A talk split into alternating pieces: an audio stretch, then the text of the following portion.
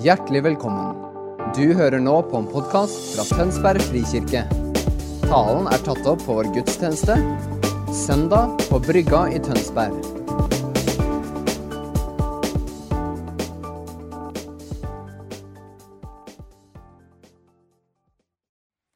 Jeg gleder meg til å få lov til å bruke tid sammen med dere i ordet i dag.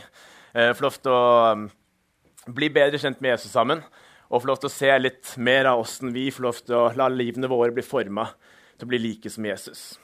Eh, Som dere kanskje har fått med dere, så er vi inne i en taleserie som handler om kulturene våre på huset.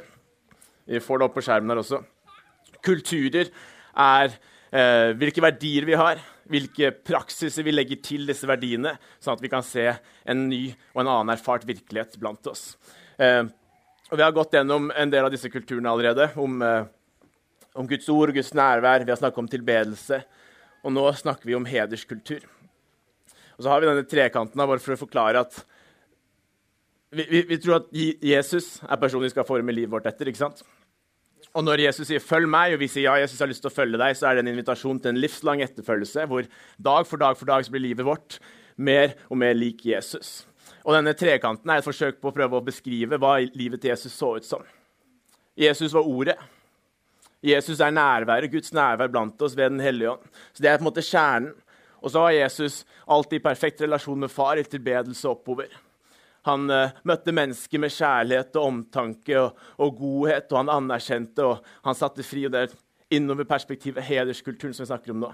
Og så gikk han utover og møtte nye mennesker med Guds evangelium og Guds kraft og Guds frelse. Og Det er denne trekanten med opp, inn og ut og denne kjernen, og det er det vi snakker om. Jesus sitt liv som vi får lov til å forme livet vårt etter. Eh, og vi, vi snakker om hederskultur. Eh, og, og vi har brukt noen søndager på det allerede. Prøve å legge litt grunnlaget. Hva er hederskulturen? Hva betyr det? Nå handler det om å se hverandre og se Jesus i hverandre. Og sette pris på og anerkjenne det som Jesus har lagt ned i hver enkelt en av oss. Se forbi de feilene vi har i vår menneskelige natur, og se at vi også er på en reise sammen til å bli mer og mer lik Jesus. Vi kan få neste bilde. Der er hederskulturen. Et til. Og I dag så skal vi snakke om jeg har kalt det femfoldig tjeneste. Men vi skal snakke om denne, denne sannheten at Jesus har gitt oss gaver. Den hellige ånd gir oss gaver. Vi er alle vi er, eh, ulike mennesker som har vår egen unike plass i Guds historie og Guds prosjekt på jorden med å nå alle mennesker med sine nyheter om frelsen, om relasjonen med Far i himmelen og om det evige liv. Og poenget er at Gud gjør ikke dette alene. Han gjør det sammen med oss. Han bruker hver enkelt en av oss. Og vi har alle en plass. Vi har alle en del av dette oppdraget. Og for å få lov til å være med på dette oppdraget, så blir vi gitt gaver og utrustninger og forskjellige tjenester. Og det er det vi skal få lov til å snakke litt sammen om i dag. Og se hvordan hederskulturen er så viktig og så sentral for å klare å sette oss inn i funksjon, så at vi kommer i kontakt med det som Gud har lagt ned på innsiden av hver enkelt en av oss. Høres det spennende ut? Ja, det syns jeg. Får vi neste bilde, Mario? Bra. Gud gir gaver, tjenester og utrustninger. Gud ønsker at vi skal være et folk som kan komme med velsignelse til hele verden. Alle folkeslag. Ikke sant? Jesus har sagt 'gå ut og forsyn evangeliet'. Han har sagt 'gå og gjør alle folkeslag til disipler'. Han har sagt 'dere skal være mine vitner i Jerusalem, Samaria, hele Judea og hele jordens ender'. ikke sant? Og så er det på en måte Når du kommer dit til den befalingen og skjønner at det her funker veldig dårlig når jeg er meg og verden er verden, og vi skal prøve å gjøre det her. Og så er det så godt å vite at vi har Gud med oss på laget. Og Gud setter oss i stand. Han gir oss nåde til å utføre oppdraget. Og, og Gud gir gaver, tjenester og utrustninger. 1. Peter kapittel 4 sier tjen hverandre hver og en den nådegave han har fått, som gode forvaltere av Guds mangfoldige nåde. Tjen hverandre, hver og en med den nådegave han har fått. Det betyr vi har fått noe. Kanskje vi vet hva det er, kanskje vi ikke vet hva det er, men vi har fått noe fra Gud. Og vi har fått det fordi vi skal tjene hverandre med det. Fordi vi er forvaltere av den nåden, det vi har fått lov til å ta imot av Gud. Og det er her det er så viktig at vi klarer å skape en hederskultur rundt oss. Leve ut en hederskultur. Fordi hvis én person tar imot noe, men vi ikke klarer å gjenkjenne den personen. Ikke lar det få lov til å vokse opp, ikke lar det få lov til å komme ut. Eller kanskje ikke bryr oss i det hele tatt om det. Så får vi ikke vi lov til å ta del i det. Vi får ikke lov til å eh, bli de som tar imot fra noen. Hvis én person får en spesiell evne til å gjøre et eller annet, og vi tenker at nei, vi liker ikke han personen Det er ikke han personen som blir den som sitter igjen som taperen, det er jo vi som blir taperen. Fordi vi kutter vår egen kontakt til det Gud egentlig ønsker å gi oss, gjennom et annet menneske. Gud ønsker å gi oss så mye forskjellig, men veldig, veldig ofte så gjør han det gjennom andre mennesker. Han plasserer mennesker i livet vårt. Han, han, gir en gave til en annen person, så at den personen igjen kan gi gaven videre til deg. Men det krever at vi, vi, vi klarer å gjenkjenne det, først og fremst. Vi klarer å anerkjenne det, og så klarer vi å ta imot.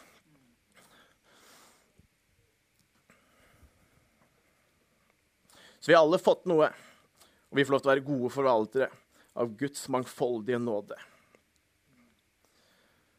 Når vi har fått tak i mye, så har vi mye ansvar i å forvalte det godt. Og vi har mye ansvar i å tjene andre mennesker. Vi gjenkjenner, anerkjenner og forløser gaver og utrustninger i hverandre. Vi tror at når vi klarer å leve ut en sånn kultur i vårt fellesskap, i kirka vår og i våre familier og våre liv, så blir vi et sted hvor man kan komme inn. Og det som Gud har lagt ned på innsiden av hver enkelt av oss, kanskje som et lite frø, får lov til å sakte og sikkert spire fram, vokse stort og bli noe som vi kan høste frukt av alle sammen. Tenk om istedenfor at det var masse mennesker med masse små frø rundt oss, så var det masse mennesker med store trær som bar mye frukt blant oss. Jesus ønsker at vi skal være kobla på Han, sånn at vi alle kan bære mye frukt. Et fellesskap som bærer frukt sammen, hvor alle får lov til å høste og ta del i det gode som Gud har lagt ned i hver enkelt en av oss. Det er det når hederskulturen får lov til å sette sitt preg på alt det Gud har lagt ned i oss.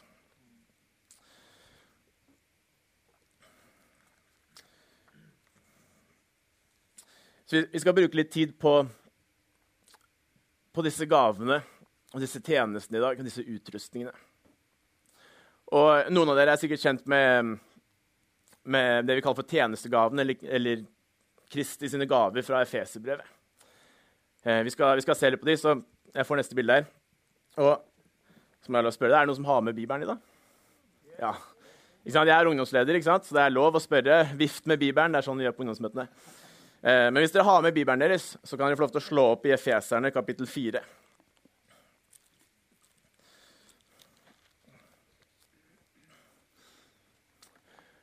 Vi har disse versa, eh, og min utfordring til dere i dag er at disse versene er mye viktigere for deg personlig enn du kanskje tror. Jeg tror veldig Ofte så snakker vi om disse versene her i kontekst av, av lederskap, ledelse, hvordan skal menigheten være leda. Og det, det, er veldig riktig og det er veldig sant. Men poenget mitt i dag er at for deg og meg som etterfølger av Jesus og som del av et større fellesskap, så er disse versene kjempe, kjempeviktige for at vi får lov til å ta del i det Gud ønsker at vi skal få del i. Så jeg har lyst til at vi skal, skal lese litt sammen så er dere i Efeserbrevet kapittel 4 nå. Og i vers 7 det, er, det, er et, uh, det er et fint brev, Efeserbrevet. Paulus, skrevet til Efesos. Um, og han snakker om enhet i kirken. Han snakker om hva det som trengs for at vi skal få lov til å leve sammen i enhet. Uh, og leve på en måte som, som skaper enhet mellom hverandre. Så sier han i vers 7.: Til hver enkelt av oss er nåden gitt, alt etter som Kristi gave blir tilmålt. Så hver enkelt av en av oss er nåden gitt. Det gir oss første pekepinn på det, det Paulus snakket om nå, det er nåde. Hva er nåde? Nåde er på en måte Guds eh, operasjonelle kraft, eller liksom Guds eh, drivkraft til å få noe gjort. Nåde er fritt, det er helt gitt, eh, gitt uten betingelse, det er helt, helt gratis. Det er ikke noe vi fortjener. Men Guds nåde er det som setter oss i stand til å utføre noe. Vi får nåde til å gjøre et oppdrag, vi får nåde til å få noe til å funke. Nåde er på en måte Guds operasjonskraft. hvis du vil. Det er den kraften som Gud gir oss, det er dyttet som får noe til å, til å skje. Og Hver enkelt en av oss har fått denne nåden. Og så står det i vers 8. Derfor heter det han steg opp i det høye og bortførte fanger. Til menneskene ga han gaver. At han steg opp, må jo bety at han først har steget ned til det aller laveste, til jorda. Han som steg ned, er den samme som steg høyt opp over alle himler for å fylle alt. Der var det mye som skjedde. Jeg skal prøve å forklare det på en, en grei måte. da. Paulus sier han steg opp i det høye og bortførte fanger. Til menneskene ga han gaver. Det som skjer her er at Paulus siterer Salme 68. Salme 68 er en eh, eller når vi, når vi leser Bibelen, da, og, og, en forfatter siterer et annet sted, så er det veldig smart å gå tilbake til det stedet som blir sitert, for å lese det, for å forstå konteksten. Hva er det som skjer her? Hvorfor blir dette verset sitert? Og Salme 68 er et vers som beskriver hvordan Gud på, i, uh, i gamletestamentlig tid er en, en, en, Gud som overvinner sine fiender. Han, han, vinner sine kamper.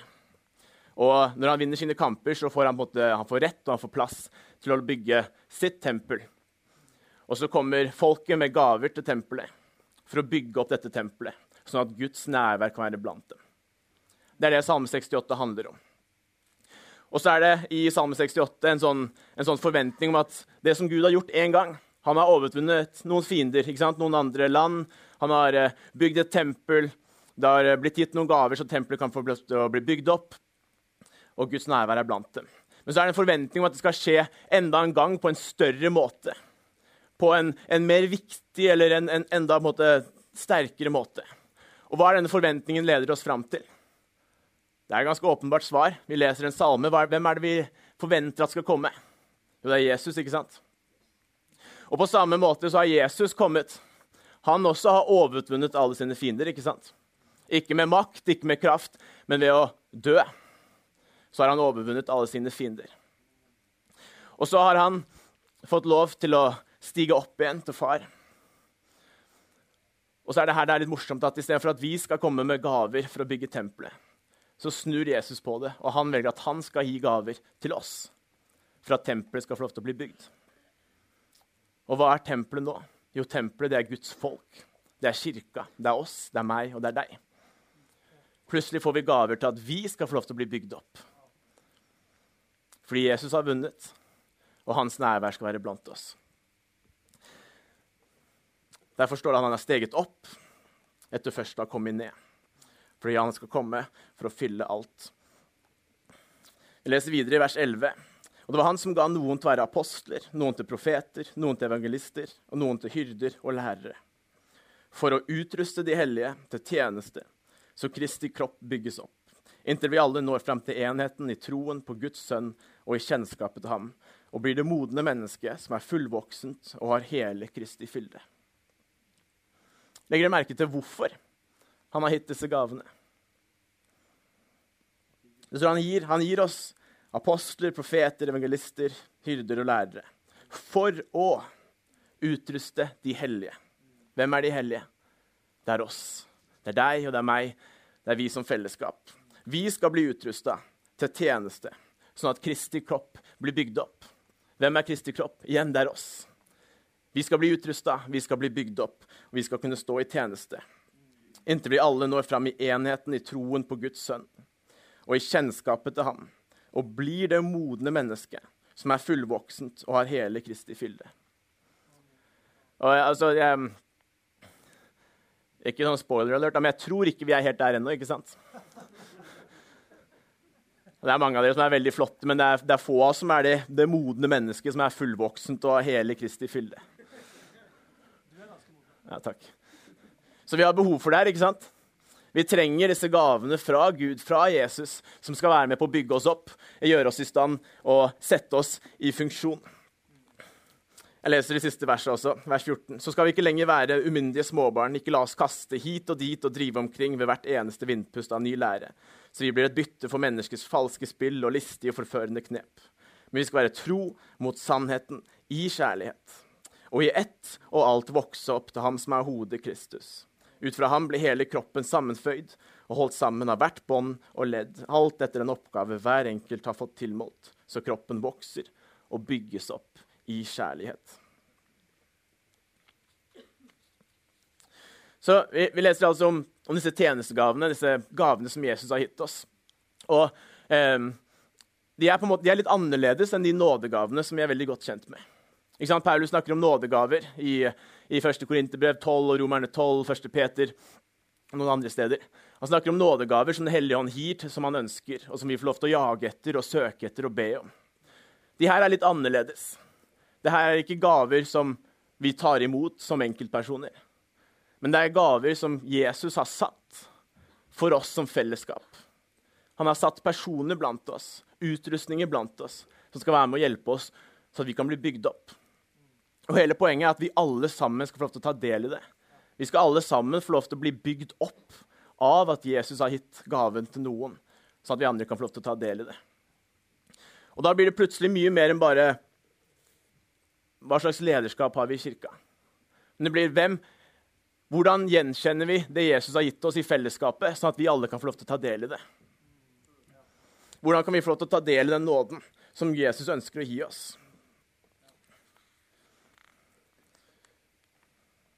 For det handler om nåde. Det handler om at Jesus ønsker å gi oss nåde, og han ønsker å gi oss den nåden gjennom andre mennesker. Paulus skriver i 1. Korinterbrev 12 at ikke alle er profeter, ikke alle er apostler, ikke alle er lærere. Men det er helt OK, fordi vi skal alle få lov til å ta imot nåden fra dem. Vi skal ikke alle være apostler, men vi kan alle være apostoliske etterfølgere av Jesus. Vi kan ikke alle være profeter, men vi skal alle være profetiske etterfølgere av Jesus. Vi skal ikke alle være lærere, vi skal alle få lov til å forstå og lære og undervise hverandre. Jesus ønsker å gi oss alle sammen nåde til å utføre det oppdraget som vi er kalt til å gjøre, gjennom at han har gitt noen mennesker en spesiell tjeneste blant oss.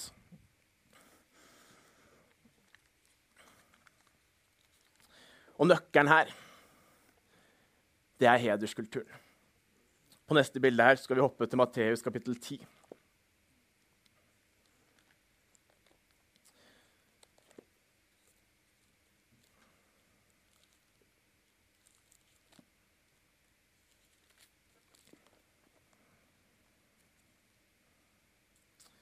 Matteus kapittel 10 snakker Jesus om, om denne lønnen for å ta imot en disippel.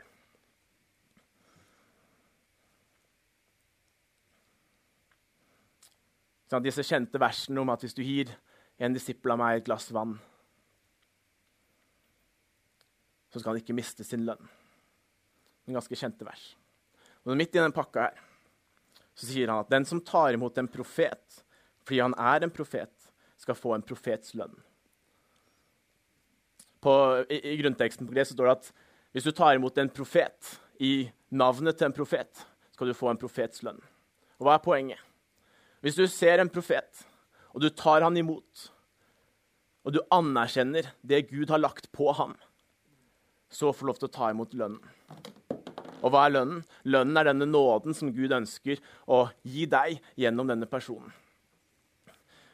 Altså når du, når du, gjenkjenner det Gud har lagt ned i en person, den tjenesten eller den utrustningen en person har fått Du gjenkjenner det, og så anerkjenner du det. Anerkjenner betyr at du, du gir det verdi. Du setter pris på, du gir verdi til det Gud har gitt denne personen. Så blir resultatet at du får lov til å ta imot.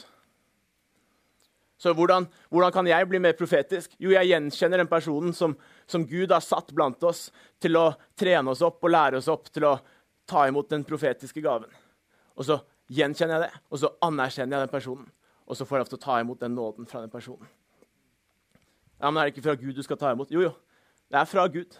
Men legg meg til at Gud alltid bruker mennesker. Om det går gjennom en person, så er det fortsatt fra Jesus. Det er Jesus sin nåde. Det er Jesus som ønsker å gi deg sin nåde. Det er Jesus sin gave. Det er Jesus som ønsker å gi gaven gjennom en person til deg.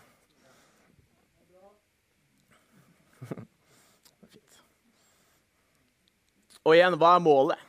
Hva er poenget? Jo, poenget er at vi skal alle bli lik, mer, mer lik Jesus. Og disse, disse, fem gavene er jo bare en, en, bit av Jesus. ikke sant? Jesus er apostelen. Utsendingen, apostello. Han er, han er utsendingen fra far til, til, jorden for å etablere Guds rike. Jesus er apostelen. Utsendingen. Jesus er profeten. Personen som kommer med, med Guds ord og kaller folket tilbake til farshjertet. Han er profeten. Han er læreren, taler i lignelser. Åssen funker Guds rike? Hvordan funker det? Jo, han forklarer, han underviser, han er læreren. Og så er han hyrden. Han sier selv er den gode hyrde. Han passer på oss, han tar vare på oss. Han ser til behovene våre.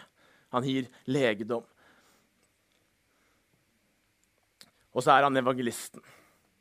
Han er personen som kommer inn, gjør undre, forkynner om Guds rike, at Guds rike er nær. Jesus er alle fem. Og Hvis jeg har lyst til å bli mer lik Jesus, så kan jeg ikke bare velge ut en av de som jeg synes er veldig fin, og så er det bra for meg. liksom.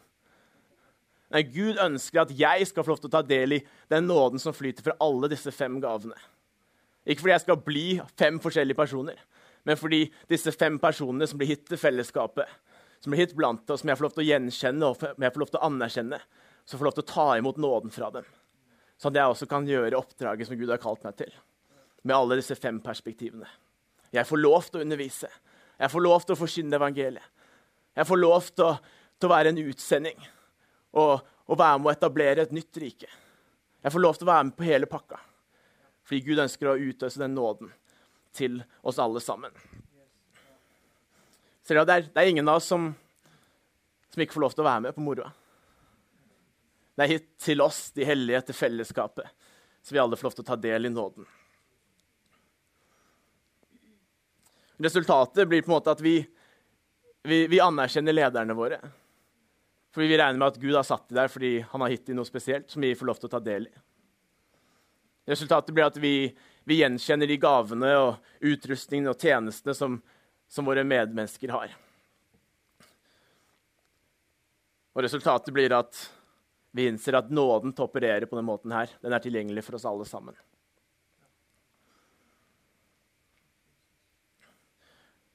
Og, det, er, det, er, min overbevisning at det er, jo, det er jo jeg som, som, setter grensene for meg selv her. Det er jo jeg som hvis jeg velger at, å ikke ta imot en person For jeg, jeg, liker ikke stilen på den personen, eller eh, de hadde gjort noe dumt en gang, eller de, de, liksom, de, de ser meg jo ikke når jeg går forbi dem i gangen.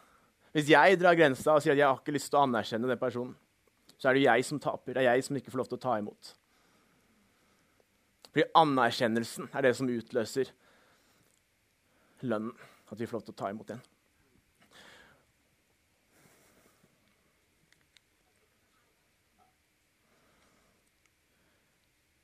Og så er det um,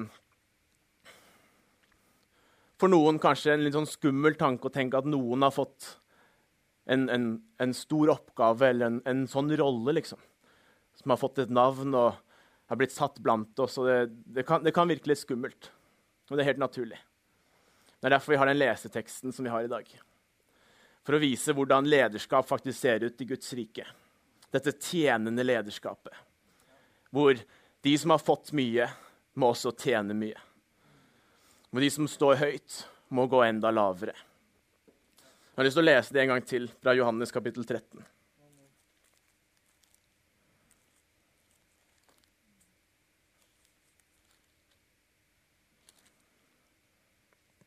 Når Jesus sitter sammen med disiplene, de spiser sammen, står det i vers 4, Johannes 13, 4. Da reiste han seg fra måltidet, legger av seg kappen, tar et linklede og binder det om seg. Kan, kan dere Klarer å se det for dere? Altså, Du har fått lov til å komme inn og spise mat sammen med Jesus. Altså, Du har kongenes konge, Guds sønn. Han er herrenes herre, han sitter blant deg. Den perfekte åpenbaringen av Gud som far sitter ved siden av deg, du har, å, jeg skal få lov til å spise mat med deg. Og så plutselig reiser han seg, tar av kappen sin og binder lidkledet rundt, rundt seg. Hvis jeg hadde sittet der og tenkt hva i alle dager skal skje nå? Hva gjør du? Hvorfor tar du av deg kappen blant det? står det at han heller vann i et fat og begynner å vaske disiplenes føtter og tørke dem med linkledet som han hadde rundt livet. Og han kommer til Simon Peter. Herre, vasker du mine føtter? Og Jesus sier, 'Det jeg gjør nå, forstår du ikke, men du skal forstå det siden'. Peter, som de fleste av oss bare roper ut 'aldri i evighet skal du vaske føttene mine', svarer Jesus at 'hvis ikke jeg vasker deg, så har du ingen del i meg'. Og Da tar Peter og sier, 'Herre, ikke bare føttene, men hendene og hodet også'.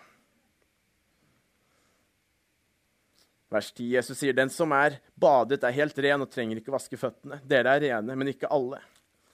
Og han sikter til at en skal forråde ham.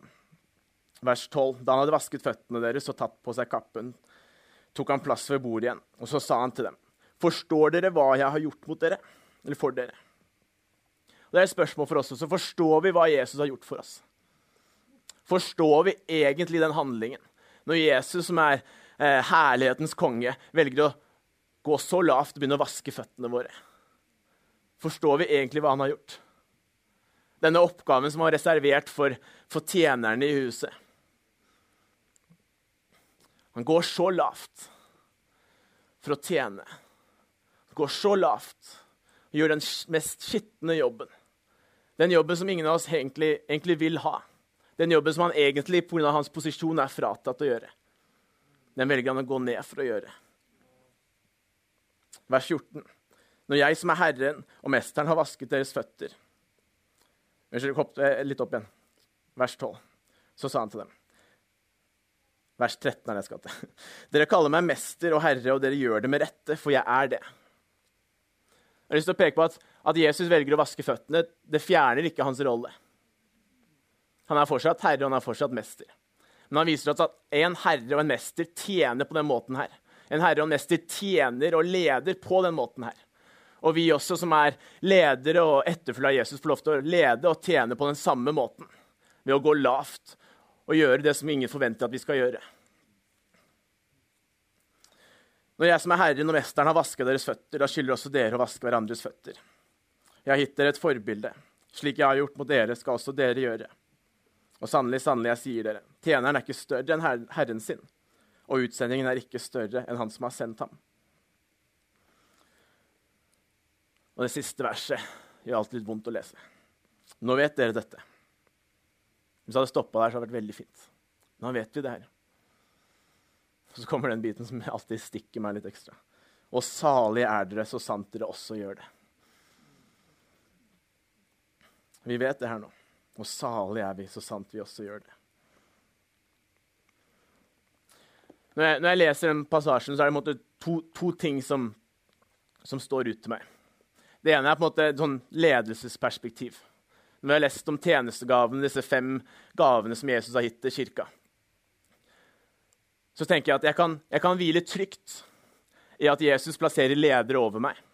Fordi jeg vet at en sann leder som lever etter Guds vilje, er en person som velger å bøye seg ned og gå lavt. Som tjener og vasker føtter. Det gjør at jeg kan hvile og være trygg på at ja, det, er, det er fint og det er godt for meg å ha ledere over meg. Ikke fordi de skal herske over meg eller diktere Øyvind, du skal gjøre sånn og sånn. For det er ikke sånn lederskap funker i Guds rike. Men lederskap det er tjenende, og det går lavt, og det ser våre behov, og det hjelper oss, og det dytter oss oppover. Det går nedenfra og så opp. Den andre måten å lese det på for meg er, er den personlige utfordringen som jeg ser at Jesus gir til meg også. I, i mitt lederskap, i, mitt, eh, i, min rolle som far, min rolle som ektemann, i min rolle som, som bror og søster. Hvordan kan jeg få lov til å være den som går lavt og vasker føtter? Og ikke ikke, måte, Det er ikke snakk om å hente en bolle vann og begynne å vaske masse føtter på første rad her, men, men hvordan kan jeg bøye meg ned, ta av skoene og gjøre meg selv lav og liten og skitten for noen andre sitt beste? På hvilken måte kan jeg bruke det Gud har gitt meg, for å løfte noen andre opp? På hvilken måte kan jeg bruke min tid, min investering, mine krefter og min energi til å la noen andre få lov til å komme seg opp? Bli løfta opp av Gud, bli den som blir gjenkjent, den som blir løfta opp. Det er på en måte ikke en, en, tjenestegave, en apostel eller en profet. Det er ikke snakk om å bygge en, en plattform for den personen. Men det er heller snakk om at denne personen får lov til å komme inn i et fellesskap og være den som går aller lavest, for å dytte alle andre opp.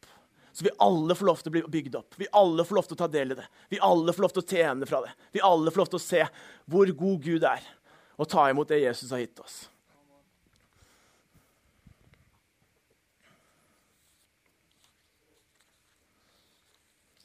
Neste bilde. Så vi har noen praksiser, da. Kultur er praksiser. Vi praktiserer tjenende lederskap, og vi anerkjenner våre ledere. Fordi vi gjenkjenner at når vi anerkjenner de Gud har gitt oss til å lede, så er det vi som får lov til å ta imot belønninga. Og vi gjenkjenner og forløser gaver og utrustning i hverandre. Vi gjenkjenner på en måte vår, vårt ansvar i å la det Gud har gitt andre mennesker, få lov til å komme fram. Vi trenger hverandre. Jeg trenger at noen ser det som Gud har lagt ned i meg. Og noen andre trenger at jeg ser det Gud har lagt ned i den personen. Og når vi sammen får lov til å hedre og anerkjenne hverandre, så får vi begge lov til å vokse opp. Det er ikke, Gud er en god Gud av overflod. Det er ikke sånn at litt mer av en annen person blir mindre av meg. Det er ikke noe problem. Gud ønsker at vi alle skal få lov til å blomstre og gi plass til det Gud har gitt oss. Og Den erfarte virkeligheten, resultatet av disse praksisene, er at vi alle får lov til å komme i funksjon med våre gaver. Vi alle blir velsigna av Guds nåde gjennom andre mennesker, og at Guds rike blir mer forløst mellom oss. Og det ærer Gud. Fint. Låsestimene kan få lov til å komme opp. Det ærer Gud. Det er litt som dette, det bildet Jesus sier om at du, du setter ikke et lys under en bøtte, ikke sant? Du setter ikke et lys under en bøtte. Det har ingen hensikt. Det ærer ingen, det gjør ikke noe. Gud har gitt oss mange lys, om du vil, på innsiden. Forskjellige gaver, forskjellige evner, forskjellige talenter og utrustninger. Og det ærer ingen hvis det blir bare holdt i mørket og ligger der skjult og i dvale for alltid. Hvis vi virkelig vil ære Gud, så lar vi lyset få lov til å komme fram. Og det er ikke en enmannsjobb, det er en fellesskapsjobb. Det er en jobb hvor vi som fellesskap får lov til å velsigne hverandre, se hverandre, kalle det ut og tale det ut. Det skjer både gjennom, gjennom de profetiske orda, hvor en person, Gud har gitt en person et eller annet som jeg ikke vet om, men gjennom et profetisk ord så får jeg lov til å kalle det fram, og så får jeg lov til å vokse. Men det skjer like mye gjennom, gjennom et eh, observasjonsord. At vi, vi ser i det fysiske en gave eller en evne hos en person, og så sier vi det. Og vi anerkjenner det. Og så får det lov til å vokse fram.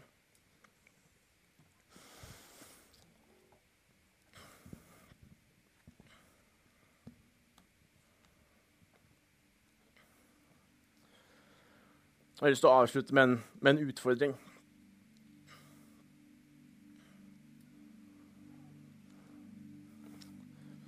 Og utfordringen er hvem hvem er det Gud har plassert i ditt liv for å velsigne deg? Gud er en Gud som er rik på nåde, som ønsker å øse ut med sin godhet mot oss.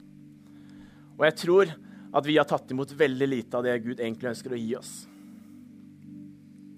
Så utfordringen er hvem er det Gud har plassert i ditt liv for å velsigne deg? Altså, hvem personer i ditt liv er det Gud har satt der? Med gaver, med utrustninger, med evner og talenter. For å utfordre deg til å anerkjenne det. Så du igjen kan ta imot fra det. Jeg vet i mitt eget liv at ofte så utfordrer Gud meg på den måten at han setter noen i livet mitt som jeg ikke sånn går naturlig overens med noen personer som har et eller annet som gjør at jeg tenker at det, det er bedre å gå en litt lengre rute rundt. Men så skjønner jeg at Gud utfordrer meg. Han har satt en person der for å hjelpe meg til å komme forbi de hindrene som er der, så jeg kan anerkjenne, sette pris på og gi verdi til det som Gud har lagt ned i den personen. Og så er det jo jeg som blir velsigna til slutt. Hvem er det Gud har satt i ditt liv for å velsigne deg?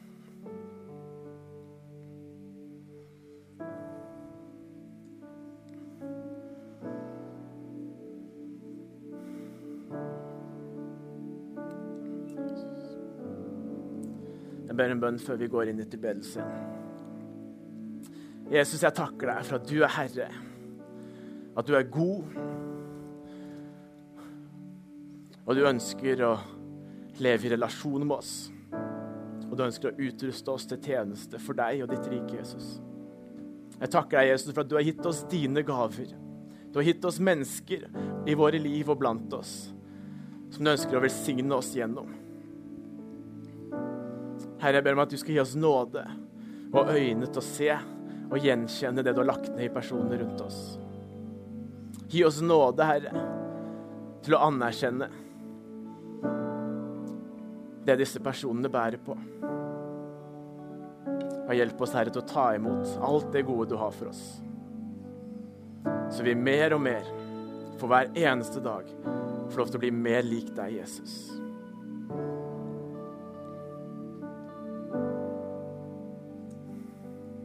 Takk, Jesus, for at du øser ut av din nåde, og at vi får lov til å forvalte og ta vare på den mangfoldige nåden du har gitt oss. Jeg takker deg, Herre, for dine gaver. Jeg takker deg, Herre, for at du i din nåde er den som bygger, den som øser ut. Hjelp oss til å gjenkjenne og anerkjenne og ta imot, Herre.